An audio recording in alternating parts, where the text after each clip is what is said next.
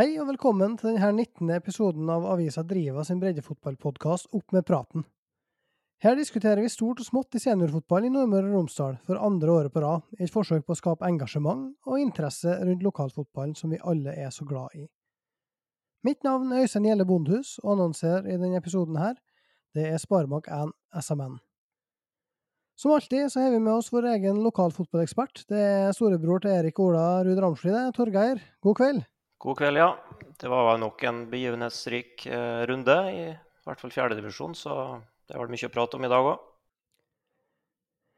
Det er det så absolutt, og til å være med oss og prate om det, så har vi kaptein på et lag som de siste åra har eh, sjarmert nøytrale tilskuere med offensiv, fin fotball, nemlig Åndalsnes. Og det selv om de har vært blant de yngste lagene i ligaen. Så Sigurd Hatlen, velkommen til Opp med praten.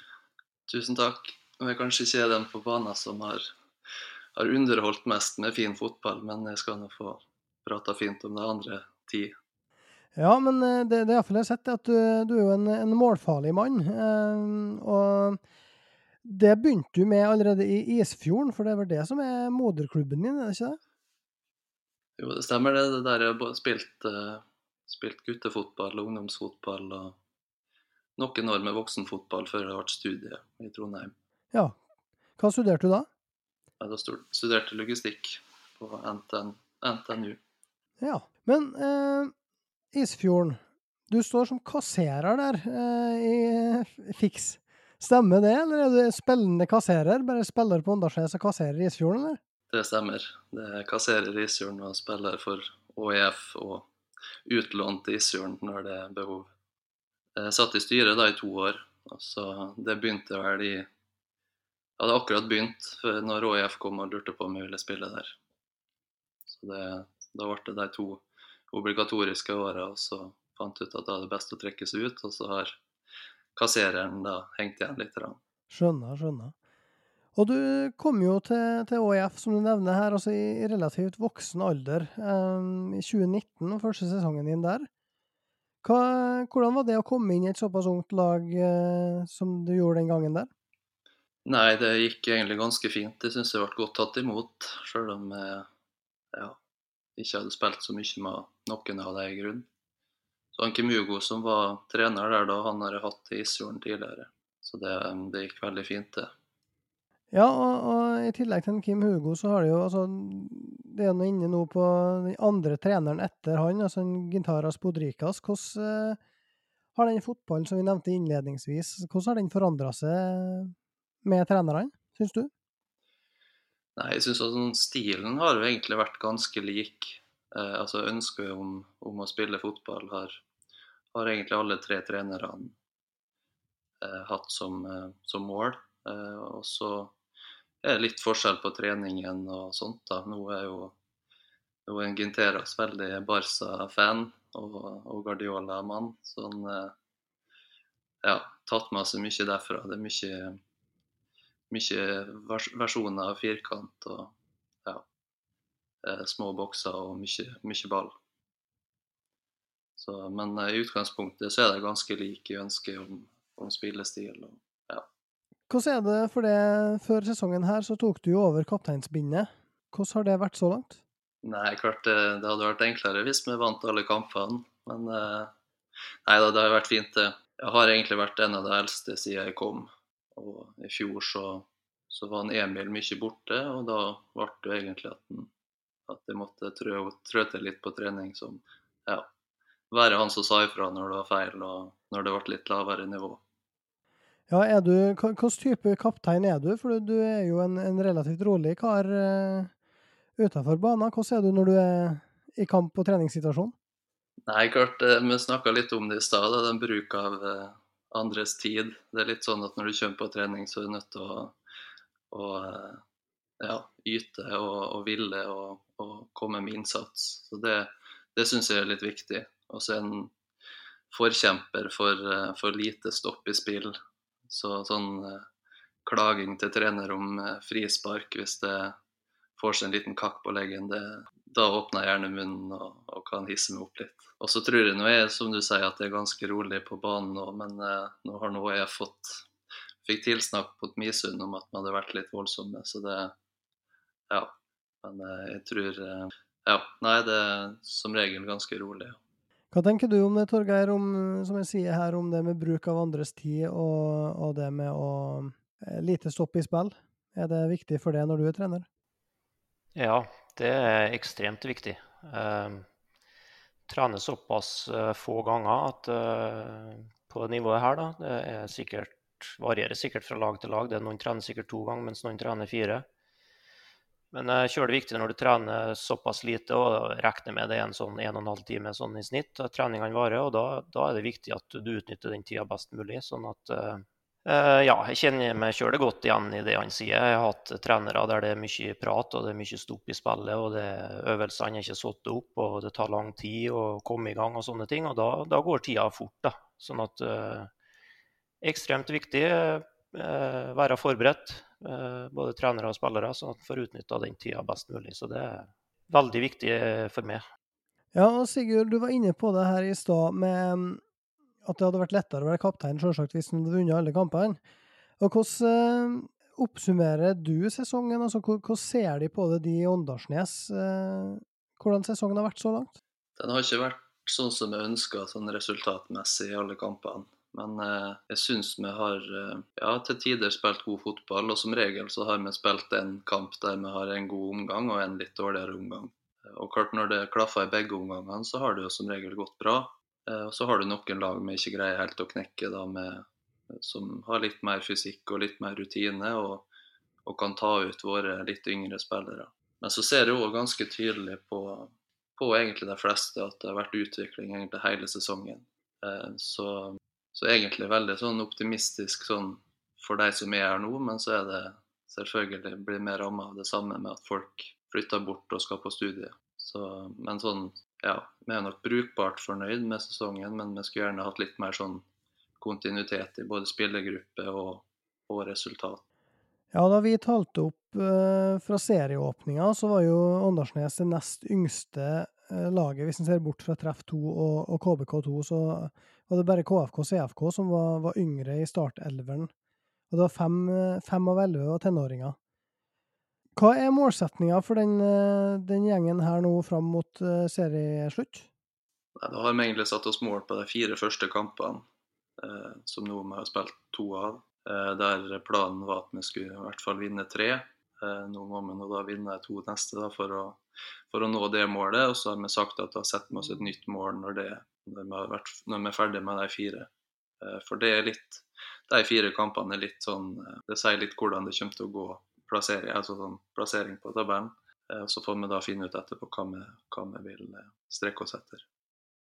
Beste medspiller og motspiller. har du møtt noen spillere som du, du sa det var lag de sliter med å få tak på med Åndalsnes? Er det noen spillere du har møtt som du, du syns er litt vanskeligere å møte? Nei, nå har jeg ikke spilt mye i denne divisjonen her, og, og ikke noe sånn eh, kretsfotball eller sånt. så det Og dårlig på navnet, òg, men det er en Olafsen på, på, Vestnes har jeg som regel eh, ofte slitt litt med å måtte ja, tatt meg sammen for å møte. Jeg syns han, ja, han, er eksplosiv og smart, og det ja, er litt sånn tricky å møte. Og så klart, med forrige jo Tomrefjord nå har vi jo slitt mye med, men der er det jo på en måte laget som, som, eh, som jeg har slitt med. Det er ikke enkeltspillere nødvendigvis. Nå kommer det inn Min første sesong så var han Søberg med, så han fikk vel bare møtt én kamp. Jeg hadde hørt mye om han og ja, merka jo det den kampen, men eh, av det andre så er det kanskje han Olafsen, ja. Enn eh, medspillere, da? Er det noen du liker ekstra godt å spille i lag med? Ja, det, det er det nå. Eh, men jeg har ikke noe sånn om jeg har noen veldig sånne utprega favoritter. Men klart en eh, Emil Nyheim var jo da viktig, og har vært viktig, og burde helst vært viktig framover, men han meldte overgang igjen. Og han er jo da bindeleddet midt mot midtbanen, så det er klart at han har jo vært fin å ha foran. Og så har du jo sånn som Sindre Hammervoll, som du egentlig veit vet kan liksom skape trøbbel. Jeg syns egentlig vi har gjort uh, god jobb med å liksom erstatte de som nå blir mye borte. Så det, du får jo nye favoritter igjen ganske fort. I Norges mest personlige mobilbank fra Sparebank1 sorterer vi utgiftene dine for deg, slik at du får full oversikt over forbruket ditt. Last Med full oversikt menes kun økonomien din. Vi tar ikke ansvar for glemte bursdager, morsdager, farsdager, dugnader, foreldremøter, enslige sokker på avveie, forskjellen på høyre og venstre, p-pilleglipp eller pass som er gått ut på dato. Ja, men i hvert fall. Last ned Norges mest personlige mobilbank fra Sparebank1 i dag. Vi skal over på fjerdedivisjon. Der er det spilt eh, en god del kamper siden sist, for runde 13 er ferdig, og vi har til og med tjuvstarta på denne ukas runde. I runde 13 så vant Surnadal 2-1 mot Treff. Sunndal og Eide omegn spilte 2-2. KFK CFK Misund gjorde akkurat det samme. Åndalsnes, eh, ditt lag, Sigurd, det ble et eh, forsmedelig 0-3-tap hjemme mot Vestnes Varfjell. Malmefjorden Dale 1-2 og Tomrefjord KBK 2-0-10. Og Vi må mest begynne med den, ja, Torgeir, for der satt jo vi her i studio sist og, og trodde på en sånn klassisk Tomrefjord og 1-0. Um, det skjedde jo ganske tidlig at det, det ikke kom til å skje. Men, men 0-10, hva, hva tror du har skjedd der? Nei, det, altså det som skjedde før kampen, det var jo at Tomrefjord mangla mye faste. Eh, samt at KBK rusta opp det laget sitt. da. Eh, Gjesdal eh, var jo med, Williamsen var med, med flere. Men eh, 0-10 er det jo ikke noe unnskyldning for, da. At KBK vinner den kampen der ganske klart, det, det, det er ikke så unaturlig. Eh, helt andre forutsetninger enn en vi trodde i forhold til, til lagene og lagoppstillingene. Men at det skulle bli så mye, det, det var jo voldsomt, da. Eh, Tomrefjord var vel det laget som slapp inn minst mål, og er jo vanligvis solid bakover. Og hadde jo kanskje regna med at de skulle greid å holde det litt nede, da. Men eh, ja, nei, det viser jo kvalitetsforskjellen, da, når eh, Ja, nå er det jo ikke eliteseriespillere, har jeg tenkt å si, for det, de spiller jo ikke så mye, men det, det er nesten det, så ja. Nei, det var voldsomt, rett og slett. Sigurd, hva var det som foregikk på Åndalsnes mot Vestnes Varfjell? Etter en god start på høstsesongen så ble det 0-3-tap i kamp to. Hva, hva skjedde der? Eh, Nei, si det. Jeg syns egentlig vi åpna sånn noenlunde greit med, med OK spill. Eh, og så er det som om vi ikke har helt har dagen med en del feilpasninger og litt sånn sein i duellene og laga dumme frispark fordi at vi ikke er helt påskrudd, virker det som. Ehm, så, så er det jo litt sånn I første omgangen der så, så har vi en alene med, med keeper på etter to minutter, så det kunne jo på en måte sett annerledes ut. Ehm, men de så gir vi bort en fem-seks, eller i hvert fall fem enkle cornerer som de da skårer på ene. Um, nei, altså vi, vi har nå noen sjanser. Han, uh, keeperen der står rimelig godt der på et par, uh, et par sjanser der vi har bekken vår gjennom på alene med keeper, og så har vi en midtbanespiller som går på et langt løp og, og skyter egentlig midt på keeperen fra et par meter.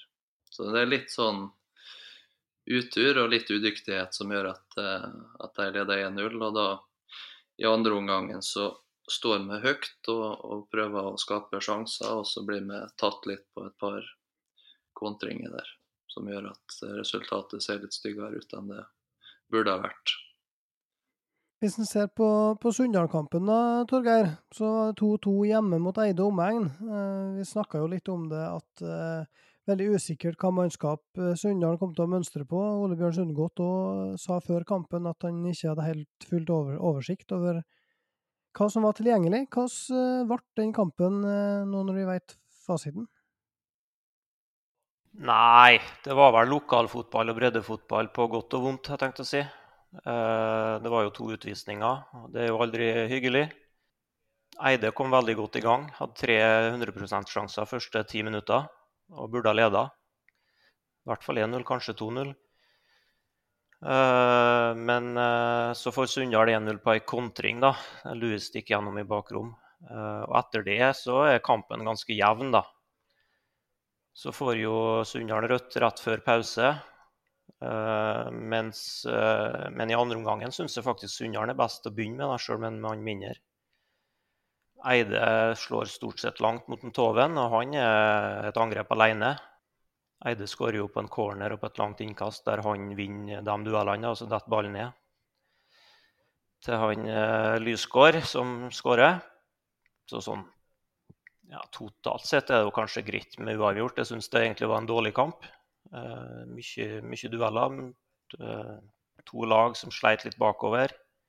Eh, kanskje greit nok med uavgjort, men jeg syns kanskje at Eide har de største sjansene, da, sånn hvis du tar totalt, hvis du tar med åpninga på kampen. Så ja, det var vel det greit nok. Jeg tror ingen av lagene er spesielt fornøyd da, med uavgjort, men ja, kanskje ingen av dem fortjente å vinne, for å si det sånn. Nei, og jeg var jo på Syltørene og så eh, Surnadal mot Treff 2. Og det var jo en litt sånn eh, Snakka om det med noen på Syltørene, at, at, det veldig ofte har vært sånn med Surndalen i år at eh, sier etter kampen at ja, de vant, men de vant ikke så gode. Eh, og det, det, har det gått igjen litt. Eh, det har vært mer sliteseiere enn det var f.eks. Uh, i fjor. Altså, det har vært skåra mindre mål. Og ja, de er et lite hakk bedre enn Treff 2, som for øvrig, ut ifra det, det, mannskapet de stilte, så de stilte jo relativt ungt. Eh, en veldig god eh, nysignering, spissen Selmer, som òg skåra målet til Treff. og som, eh, som eh, helt sikkert kommer til å, å få litt spilletid høyere oppå etter hvert. Han um, plaga nystopperparet til Surnadal litt. Um, etter at en Vegard Brøska flytta til Hammerfest, så er det Andreas Sarsak Sæter, som du nevnte sist, Torgeir, som uh, spiller stopper. Og det, det, er klart de hadde god kontroll, dem. Og Andreas endte opp med, å bli matchvinner. Men uh, det er, var noe bakromsløp der som uh, han var farlig på en Selmer som uh, Surnadal sleit litt med å, å, plukke. Så er Surnadal god eh, en periode fra ja, en halvtime til pause, ca. Da er de bra. Eh, begynner å skape sjanser og, og tar ledelsen fortjent rett før pause. Da, da, er det greit at det står 1-0. Um, og så kommer det 1-1 rett uh, ut i andre omgang. og så er det en corner, en dødball, som uh, Svein Todalshaug slår på hodet til en, til Andreas Arsaksæter. Og da avgjør det kampen. Og utover det så er det ikke så mye å skrive hjem om. Uh, Surnadal har én seniorspiller på benk den kampen der. Så det, der òg er det litt sånn som vi har snakka om med Sunndalen, at, at, det merkes at det er studiestart, at det er folk som flytter og, og sånne ting. Så nå var jo en Tore Næss eh, var jo, Han har kanskje vært Surnadals beste spiller i år. Han eh, Fikk skuldra ut av ledd og var ute, var ikke på banen da utligningsmålet kom, så det var, var 11 mot 10 favørtreff da. og Det ble jo ja, spennende å se om han er hjemme mot, mot Eide. Det, det, er en viktig brikke for dem. Spesielt hvis Andreas Starsek spiller midtstopper. Yes. Um, treff to syns jeg er som eh, forventa. Kjempa godt. Um, en del unge spillere tydelig godt trent. Um, kjempa og, og slutta aldri å, verken spille ball eller uh, løpe. Og det, det, er nesten nok til å ta poeng. Og det, det har det ikke vært på Syltørene tidligere år. Malmefjorden-Dale, den er 1-2. Der snakka vi om at de første 20 minutter kom til å bli avgjørende, Torgeir. Der uh, kom jo Dale klart best i gang. og Gikk den sånn som du hadde sett for deg? Eh, ja, den gjør nå det sånn på tegnet. Eh, men som jeg sa forrige gang, så avskriver vi jo ikke Malmefjorden på hjemmebane. da. Eh, og de var jo med. Det ble jo bare 2-1. Så nå vet vi jo ikke hvordan kampen var spillemessig, men eh, å tape 2-1 mot Dale er jo ikke noen krise sånn for Malmefjorden. De, de får prøve å ta med seg det, da, at de, at de spilte jevnt, eller i hvert fall på sånn Eh, målmessig mot et av eh, topplagene. Så Malmefjorden eh, har nok sjanse til å, til å, melde seg på i kampen om å berge altså, Det har de jo på tabellen, men de kan, de kan jo slå Fra midten av ned så kan de jo slå alle dem eh, på en god dag. Så det er åpent, det. Siste kampen i runden det var KFK og CFK mot Misund, som vi omtalte som bingo før kampen. Der berga KFK og CFK poeng helt på tampen. Og der, eh, ut fra rapportene, så var det ikke noe sånn kjempekamp. Uansett da, Øystein, så sånn som vi snakka om sist, så de fikser jo en nesestyver, KFK, mot Dale. Så det er jo utrolig viktig for dem da at de fikk et poeng nå, og på en måte vise at de kan ta poeng mot de andre i båten. Og de er jo ikke ferdige, de heller, ennå. Hvis det ble tap nå igjen, la oss si at det ble 0-2, 0-3 eller noe sånt, så kanskje de har datt sammen utover høsten, så jeg tror det er ekstremt viktig for dem å i hvert fall få poeng. Så, så er det i hvert fall eh, noe å spille for framover for så ungguttene. Så jeg tror det var et lyspunkt likevel for KFK, sånn som situasjonen eh, har blitt. Ja, var Theodor Kasi Stene som utligna helt på tampen der, altså. Eh, etter eh, hardt hamodig ga FK ledelsen, og så snudde de ved en Emil Sjøvik og Arnt Erik Brakstad, men 2-2 og poengdeling. Og et resultat KFK kanskje nok er mest fornøyd med, som du sier, Torgeir. Tirsdag så tjuvstarta runde 14. Treff 2 og Tomrefjord møttes i Molde. Der eh, endte det 2-2. Der var det òg snakk om eh, sein utligning. Eh, Eirik Leao Tomren skåra begge for Tomrefjord, mens han Christian Selmer, som vi allerede har vært innom, han spilte nok en gang en hovedrolle for treff 2. Han først fikk en straffe som Markus Voldsund skåra på med et kvarter igjen, og på overtid så kjempa han sjøl inn 2-2. Hva tenker du, Torgeir, om nå har vi hatt eh, Tomrefjorden har jo vært snakka mye om først når de uh, eh, starta dårlig, og så når de eh, gikk på en voldsom eh, seiersrekke. Og nå, når de hadde muligheten til å være helt i toppen og etablere seg der, så har de 0-10 mot KBK og 2-2 i går mot Treff 2. Hva, hva, sier det om Tomrefjorden sine sjanser videre? nei, med tanke på å så er vel det kjørt igjen da, Nå er det fem poeng, og KBK ser jo ut til å faktisk ruste opp litt mot, eh, mot opprykk. da.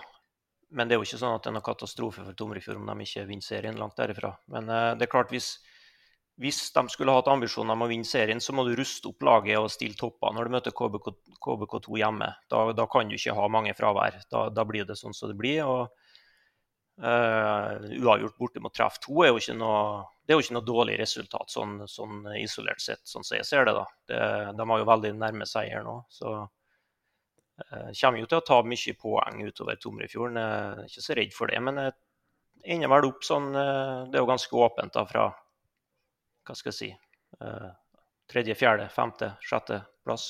Der kan det vel bli hva som helst.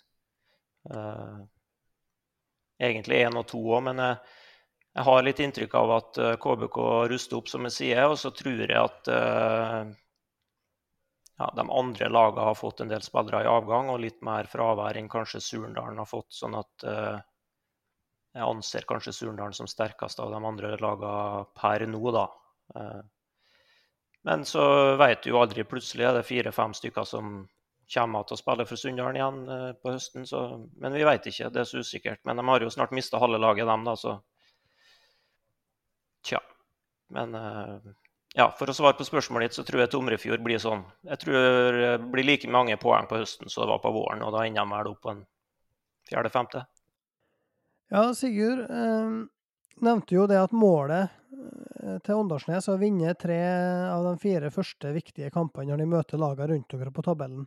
Nå har de Én seier og ett tap av de to første i høst. Hva forventer du slags kamp hjemme mot KFK CFK på Ørene på fredag? Nei, vi må jo brette opp armene litt da, etter ta tapet. Så det Nei, eh, borte mot eh, KFK så, så, føler jeg egentlig at vi, vi kunne ha stykka av med seieren da, når Sindre står der og dunker han i tverrliggeren på én meter. Så det er klart uh, Ja.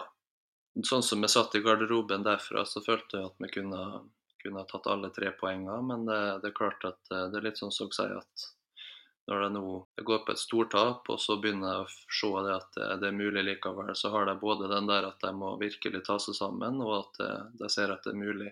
Så det er klart at vi møter Det blir ikke noen enkel kamp, det heller for oss. Um, og så må nok vi opp noen hakk fra den kampen mot Vestnes. For der var nok Vestnes, det sa jeg ikke i stad, men der var nok Vestnes eh, jevnt over bedre enn oss da i fare for å få Vestnes i gang på nakken. Det er ikke så langt bort dit, så det, det kan komme på kort varsel. ja, nei, han må, må, dekke ryggen her, ja, det er helt sikkert. Så er det jo et eh, toppoppgjør denne runden her. Det går mellom Dale og Sunndalen i Kristiansund på fredag. Og mm, her er det verdt å merke seg at det blir Sunndal-profil Markus Lewis sin siste kamp for Sunndal, iallfall i denne omgangen. For jeg har nemlig flytta til Brattvåg, men eh, etter at han sjøl ønska å bidra for Sunndalen, siden de sliter litt med fravær og få spillere nå i starten av høstsesongen, så fikk han det, og avtalen mellom Markus Louis og Brattvåg var da at han spilte for Sunndalen ut august. Og Det betyr at han går til andredivisjonsliv i Brattvåg nå etter Dalekampen. Han har skåra nå 16 mål på 24 kamper i fjerdedivisjon etter pandemipausen, og, og, det er ikke noe tvil om at fjerdedivisjon nå mister en, en stor profil. Men hva mista Sunndalen innen Markus Louis, Torgeir? Nei, det er noe som du sier, at de mister nå sitt eh, desidert farligste angrepsvåpen de to siste sesongene. da. De er jo best, Sunndalen. De ligger ligge nedpå og kontre, og da, da, er egentlig han best òg. Eh, men han har òg greier å skape ting sjøl mot etablert. Så det er klart den eh, ja, Jeg vet ikke om jeg skal kalle det X-faktoren når det skjer så ofte, da, og vi vet, hva som skjer, jeg tenkte å si, men eh, jeg er spent på å se hvordan hvordan det vil slå ut. Det vil i hvert fall ikke være noe pluss. Men vi må, nå, vi må nå være såpass store at vi gleder oss over at Markus har fått den muligheten. og Sånn som jeg har sagt før, eh, som, som noen i hvert fall innpå Sunndalen her er uenig med meg i, ingenting med Markus å gjøre, men jeg mener jo at det er spillere som, som er gode nok til å få sjansen høyere opp. Og da vurderer ikke det ut ifra om en Markus spilles inn på Brattvåg i høst, for det, det tror jeg kanskje ikke at han gjør. Men eh, vi må gi gutten litt tid. Han er 18-19 år og kommer inn i et mye bedre lag og får trent mye mer med mye bedre spillere. Så om en sesong eller to eller tre så får vi ta den dommen. Ikke om han spiller i høst. Det, det er ikke det som er viktig. Så får vi håpe at det kan være litt inspirasjon til både andre gutter innpå her og ellers i divisjonen. For eh, det er mulig å komme seg oppover i systemet hvis en eh, spiller godt nok og er seriøs nok. Så det må jo være det positive bildet her. Og så får nå Sunndalen jobbe med å erstatte han eh, hva skal jeg si, internt her. Ja, når de nå mista venstrekanten sin, altså, hvordan ville du løst det? Uh, nei, det spørs nok hva han har tilgjengelig, da. Uh, hvis du ser på forrige kamp, så var jo hele den normale backrekka pluss keeperen var jo ikke med. Uh, Oliver Lie òg i militæret. Men, men klart, hvis du har fullt lag på Sunndalen, da, så kan du jo kan jo bruke en Erik Brutteren i angrep. Han er jo suspendert nå, så han blir jo ikke med. Men, men sånn, du kan jo ha et angrep med en lang Valseth, Tor Erik Torske, Brutter'n og en Oliver Lie. Så, så, da har du jo, du har jo slagkraft i, i fjerdedivisjon, men eh, det er jo ikke sikkert du får alle på banen samtidig. Og så eh, kom det jo inn en par uh, unggutter nå som greide seg godt. De spilte jo på hver sin sideback, da, riktignok, men han Ask Ødegård som spilte venstreback, han er jo lynhurtig venstrekantspiller, skråstrek spiss da, på G16 og juniorlaget. Så det er jo et alternativ. Så Men det er klart Ja, om noen sånn Jeg tror de erstatter Louis som lag, da. Det er ingen av enkeltspillerne der som erstatter han, sånn sett. så men at de eh, bør få et, et slagkraftig angrep, det, det, tror jeg. Men jeg er mer skeptisk på eh, backrekka, for å si det sånn. Sigurd, hvordan tror du at det går mellom Dale og Sunndalen på fredag? Eh, nei, godt spørsmål. Jeg, jeg er nå litt der at jeg syns Dale som regel er, er, kanskje eklest å møte da, for min del. Men eh, det der er jo umulig å vite i denne divisjonen her. De, de lagene mer sliter med, kan andre lag ha god kontroll på det. Litt, litt med hvem du har med deg, og hvilken type spillestil du har, og alt mulig. Så det, det er umulig å tippe. Men eh, så, sånn som jeg opplevde det, så er nå kanskje Dale, i hvert fall mot oss, og kanskje de ble det beste laget. I en annen kamp som er vanskelig å tippe, så skal Eide og omegn ta imot Surndalen fredagskveld. Der er jo da Ruben Toven uh, ute med karantene etter to gule og rødt mot Sunndalen. Og der er det jo litt sånn at uh, Eide omegn og Surndalen bruker å vinne hjemmekampene mot hverandre. Sånn har det vært i mange år. Må tilbake til 2015 for sist Surndalen, da de rykte opp til tredjedivisjon. Det var sist de slo Eide på bortebane, ellers har det vært kun tap. Mens de har et godt uh, tak på Eide på hjemmebane. Så det spørs om jeg for å fyre opp guttene skal tippe en liten frekk H da, i Eide Surnadal på fredag. Hva tror du om den, Torgeir? Uh, ja, jeg tror nå ikke det. da. Jeg tror det motsatte. For uh, et lite forbehold, da, uh, angrepsrekka til Surndalen, hvis den blir normalt sånn som hun bruker å være. For jeg syns ja, midtstopperspillet til Eide var mildt sagt rufsete på Sande. Og så tror jeg det blir en helt avgjørende faktor at Ruben Toven ikke er med. ikke alle som er enig med meg, heller ikke her på Sunndal når vi sitter og ser på kampen, men, men jeg mener at han er et angrep alene. Og bitt opp et helt forsvar. Stor og sterk, god til å holde på ballen, livsfarlig på dødball. Og de bygger veldig mye rundt han. Uten han Ruben på banen, så blir det sikkert en Inderberg eller noe sånt som spiller spiss. Og han har jo veldig bra hurtighet, men ikke samme repertoar og registre som en Ruben. Ikke på langt nær. Så eh, jeg tror det at eh, de kommer til å straffe midtstopperne til, til Eide på, på overganger eh, med fart. Og, og, at angrepsspillet til Eide kommer til å ja, hva skal jeg si, li veldig under av at en Toven ikke er med. da. Nå er ikke det noe sånn voldsomt uh, oppsiktsvekkende tips, men uh, det er ikke så omgjort å finne på, finne på, så mye rart når de gir sine analyser. Jeg vil gjerne slenge meg på det her, for det, jeg er veldig enig i det du sier, Torgeir, med at uh, han, eh, Toven han, han, kan gjøre mye på egen hånd. Når jeg var på, på Øran stadion, så følte jeg at jeg hadde god kontroll på han, men han skårte to mål. Så det er klart det er en, en, litt sånn vanskelig type å møte. Så, så Surnadalen tror jeg nok er, mitt tips. Så ja, nei, men det var bra de sa det, da, så kan vi får vi litt forskjellige tips her. Eh, KBK2 Vestnes Varfjell. Du så jo nylig Vestnes Varfjell live fra veldig god posisjon, Sigurd. Hva tror du om eh, sjansene deres eh, mot formsterke KBK-rekrutter? Nei, det tror jeg kan bli tøft. Eh, det tror jeg nok. De, ja, de var gode mot oss, men det, det er et annet lag de møter mot KBK, helt klart. KBK er jo da ung, men de har spilt i lag mer og, og hatt, vil jeg tro, en jevnere tropp eh, og, og førsteelver enn det vi har hatt. Så jeg, jeg tror de blir vanskeligere nødt til å knekke. Og jeg vil nok tippe på KBK der, ja. Ja. Den siste Kampen i neste runde det er en gresskamp, Misund-Malmefjorden. Det Vi har snakka mye om eh, at begge de to lagene er litt avhengige av, av gras for å prestere opp mot sitt aller beste. Hva tror du, Torgeir, om den, eh, det oppgjøret der? Misund-Malmefjorden? Nei, det viser nå både, si, både runde én og runde to på høsten her nå at det er jo ekstremt vanskelig å tippe. I hvert fall eh, når de møtes innbyrdes fra midtene. Ja.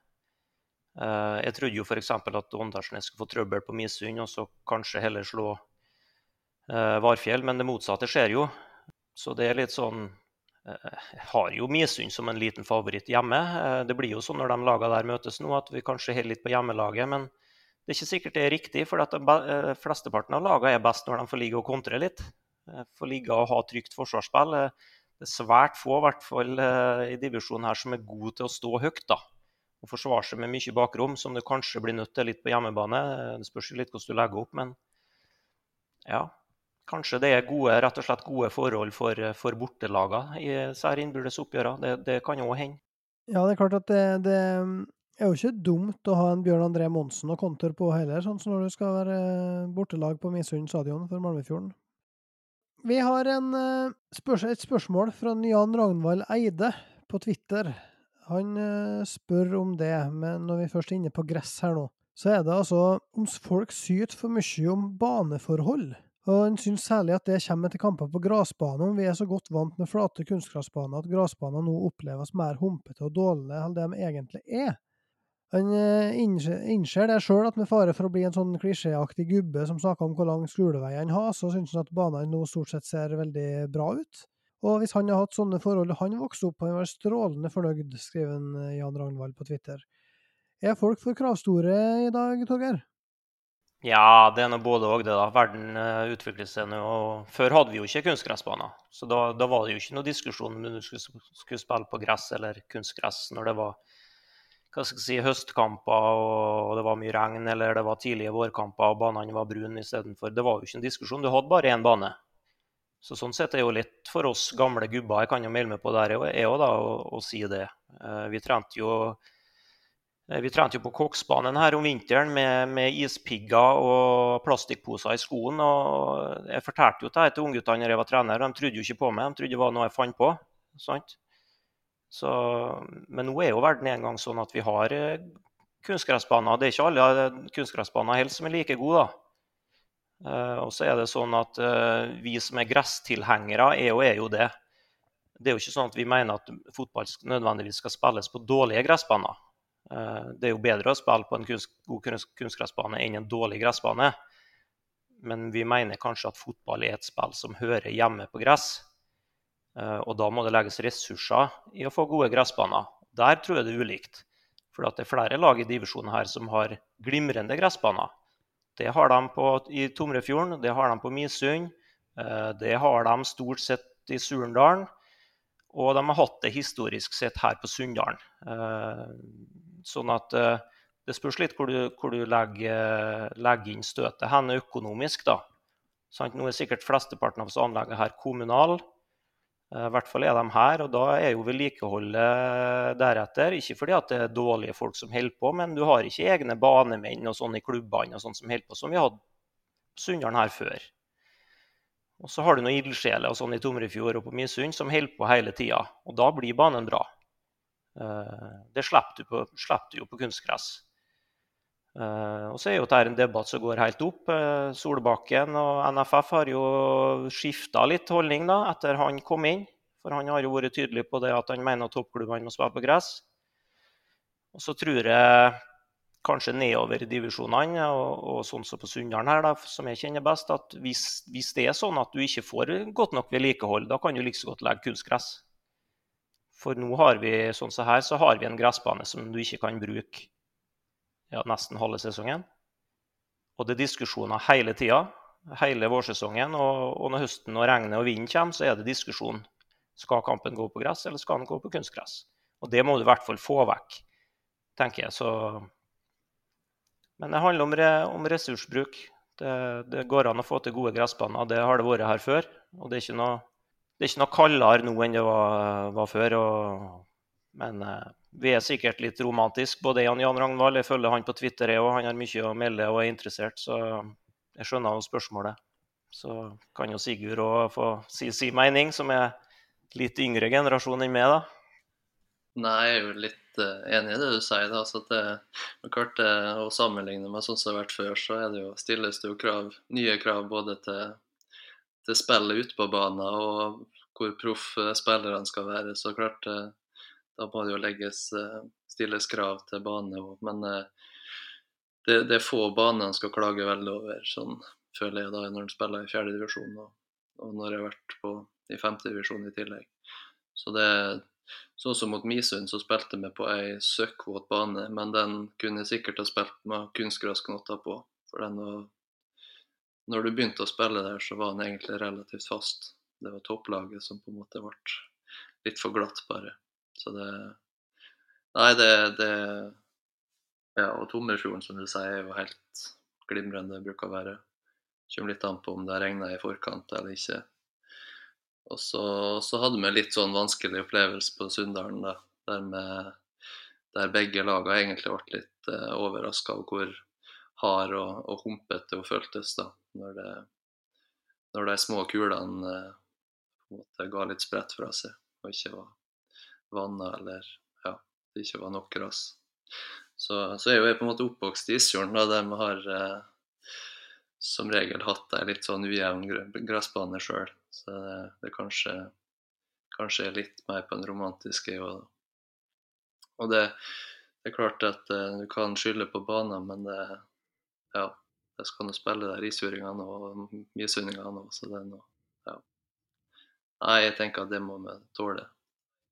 Ja, og den, den uh, tweeten hans, uh, Jan Ragnvald her, den, den, utløser jo litt diskusjon, og den kommer jo på bakgrunn av uh, Malmefjorden Dale. Og Eirik Andersen på Dale han, han spilte inn det her at det ikke var ment som noe kritikk til baner på Malmefjorden, det var mer kritikk til den debatten om at fotball skal spilles på gress. For han er av den oppfatning av at han mener det blir mer underholdende spill og tempo på kunstgressbaner når det er snakk om breddefotball. Og han understreker at toppfotball blir noe annet, men uh, at uh, for hans sin del og Dale sin del så går det på det at han må spille med mindre risiko, fordi at ballen går saktere, du får hurtigere press på det, og det er høy risiko å tre opp sentralt i banen. Han mener at mange lag taper i Malmefjorden, ikke fordi banen er dårlig, men fordi de er naive i spillet sitt. Hva tenker du, Torgeir, om, om det Eirik sier her? Jo, jo, jeg har ikke noe problem med å forstå hva han mener. Og så, og så er det nå igjen da, tilbake til hva mener du da er underholdende fotball? Uh, er det at det skal være enkelt for alle å dempe ballen og det skal gå langs bakken? Noen mener jo, liker jo hurtig, direkte fotball og litt taklinger og ja, litt av den hva skal jeg si, at det blir dueller og forskjellig. Det er jo en del av fotballen, det òg. Det spørs jo litt hva du liker, det, da. Uh, og det er jo jeg kommer jo igjen tilbake til dette her at uh, om gress eller kunstgress, du må ha en god bane hvis fotballen skal bli bra, uansett hva du liker. Om det er Tikki Taka eller om det er uh, gamle Drillos-fotballen, liksom. Så uh, om det er kunstgress eller gress. Jeg er mest opptatt av at banen er bra. Og så hvis jeg får velge mellom en god gressbane og en god kunstgressbane, så er det aldri noen tvil i mitt hode. Men det er noe hva skal jeg si, hver sin smak, det. da.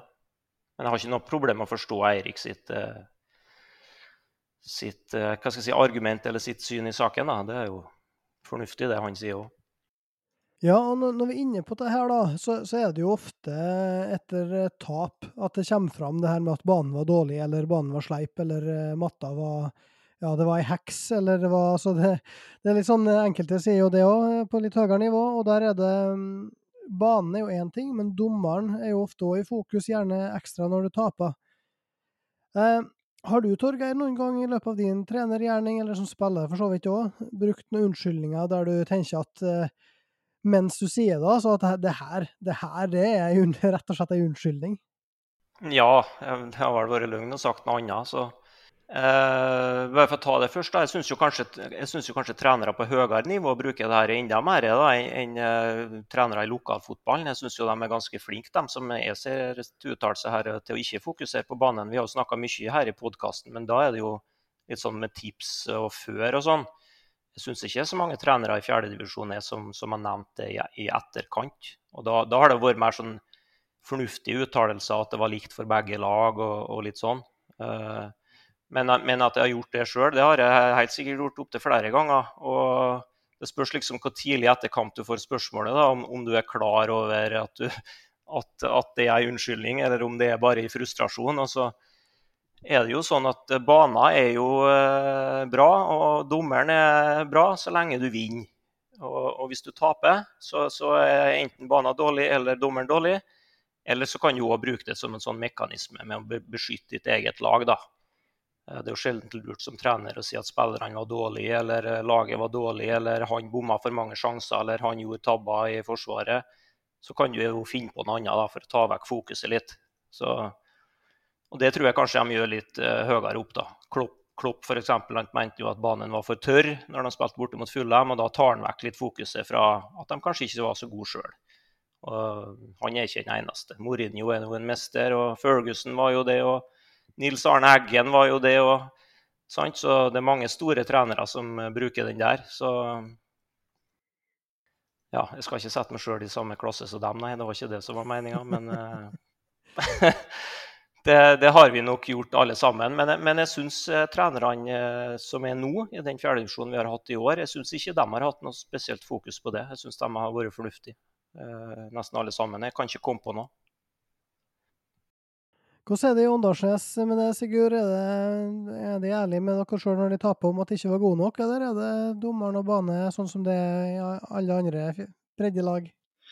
Nei, det er jo gjerne sånn når vi sitter i garderoben enten til pause eller rett etter kamp, at da er det gjerne dommeren og, og spillere på andre laget og, og diverse. så det men når han kommer tilbake igjen på mandag, så er det gjerne snudd litt til, til hva han skulle gjort bedre sjøl. Så det, det, er klart den der eh, førstereaksjonen som både kommer når det blir blåst i fløyta når du ikke er enig, den, eh, den skal jo helst roe seg ned ganske kjapt. Og litt samme er det etter kamp, at du er irritert på dommeren og irritert på deg sjøl og irritert kanskje på motspillere. og så og så får du tenkt litt, så skjønner du at det meste kunne vært løst hvis en gjorde det litt annerledes sjøl.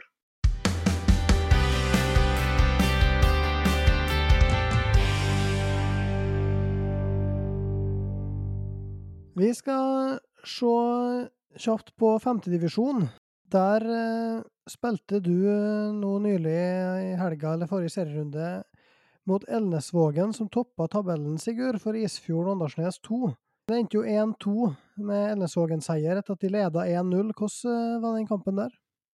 Nei, det spørs om vi skal skylde på bane, da. Nei, det var å heimebanefordel.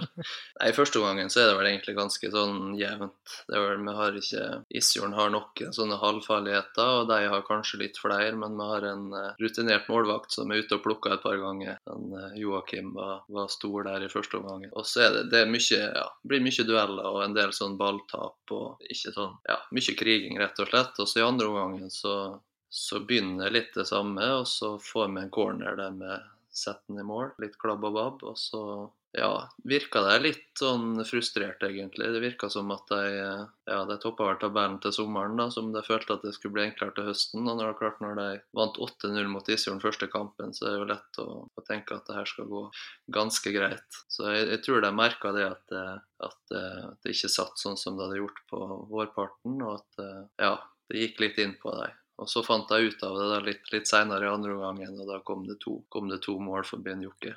I og med at du spilte, så stilte jo Esfjord Åndalsnes 2 med, med kaptein fra førstelaget òg, da. Er det spesiell anledning når du møter serielederen hjemme?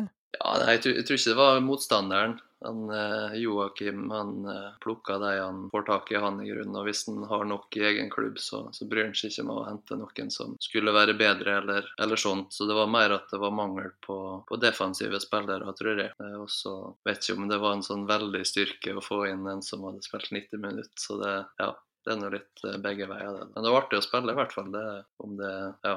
Og litt godt etter et tap, selvfølgelig, å få ut litt frustrasjon allerede dagen etter. Hva, hva tenker du som, som, normalt spiller i fjerdedivisjon om, om Elnesvågen, da, som eh, nå har fått seg en luke på fire poeng eh, og, og ser ut til å kapre en av de to opprykksplassene? Hva tenker du om dem neste år? Nei, sånn som jeg spilte på Isfjorden stadion, så, så, tror jeg jeg kan få det litt uh, tøft. Men ut ifra det kroppsspråket deres og den frustrasjonen, så virka det som at det var noe som ikke helt fungerte den dagen. da. Så, så, om jeg kan uttale meg basert på den kampen, vet jeg ikke helt. Men ja, når de spiller, så spiller de for så vidt ganske godt. Og de, de har noen spillere som er både teknisk gode og, og har bra spillforståelse, så det, så det, er vanskelig å si. Men, eh, men basert på den kampen, så, så, kan de få det tøft, tror jeg. Molde 3 og Hjelset Kleive de spilte 3-3. og Da er det jo sånn at Molde 3 har mista noen nå før høstsesongen, gjør en veldig bra vårsesong. Men der var det litt interessant å se at der mønstrer de på eh, flere G16-spillere fra Molde, av, eh, av de bedre G16-spillerne i klubben. Men blant annet Kasper Råke, som er sønnen til Stig Arild, som er, det er kretslagsspillere det er snakk om, og, og greier. Så, så, det er litt sånn Det er tydelig at inn, om det er fast introduksjon til, til seniorfotball her gjennom femtedivisjonen, eller om det rett og slett er mannskapsmangel som gjør at de eh, Eller en kombinasjon. Det, det blir spennende å følge utover eh, høsten, men eh, det var, var flere debutanter som kom fra G, direkte fra G16-laget, iallfall. Så, så det blir spennende å se. Vi skal komme tilbake med mer vi om, om femtedivisjon, sjettedivisjon, damer, tredjedivisjon og, og sånn, nå om ikke så veldig lenge. Men akkurat nå så er vi kommet til veis ende i denne med praten-episoden. Torgeir, siste spørsmål. Jeg glemte å spørre deg i stad. Tippetips Dale-Sunndal? Nei, all logikk eh, med avganger i Sunndalen og alle usikkerheter som er der, så er det all logikk tilsier en hjemmeseier. Eh, Sunndalen har ikke vunnet i høst, og Dale ser ut til å være i god form. Så å tippe noe annet enn H, det er ulogisk i, i mitt hode, men jeg veit aldri. Jeg har bomma på Sunndalen før, og de er, de er, i stand til å slå Dale borte. Men det spørs hvilket lag de får. Har de det laget de hadde i helga, så tror jeg ikke det går. Eh, så noen er nødt til å komme igjen fra studier og forsterke laget. Så det er vanskelig når en ikke vet lagoppstillinga, men jeg ser på Dale som en klar, eh, ganske klar favoritt der ut ifra forutsetningene som vi tror ligger til grunn.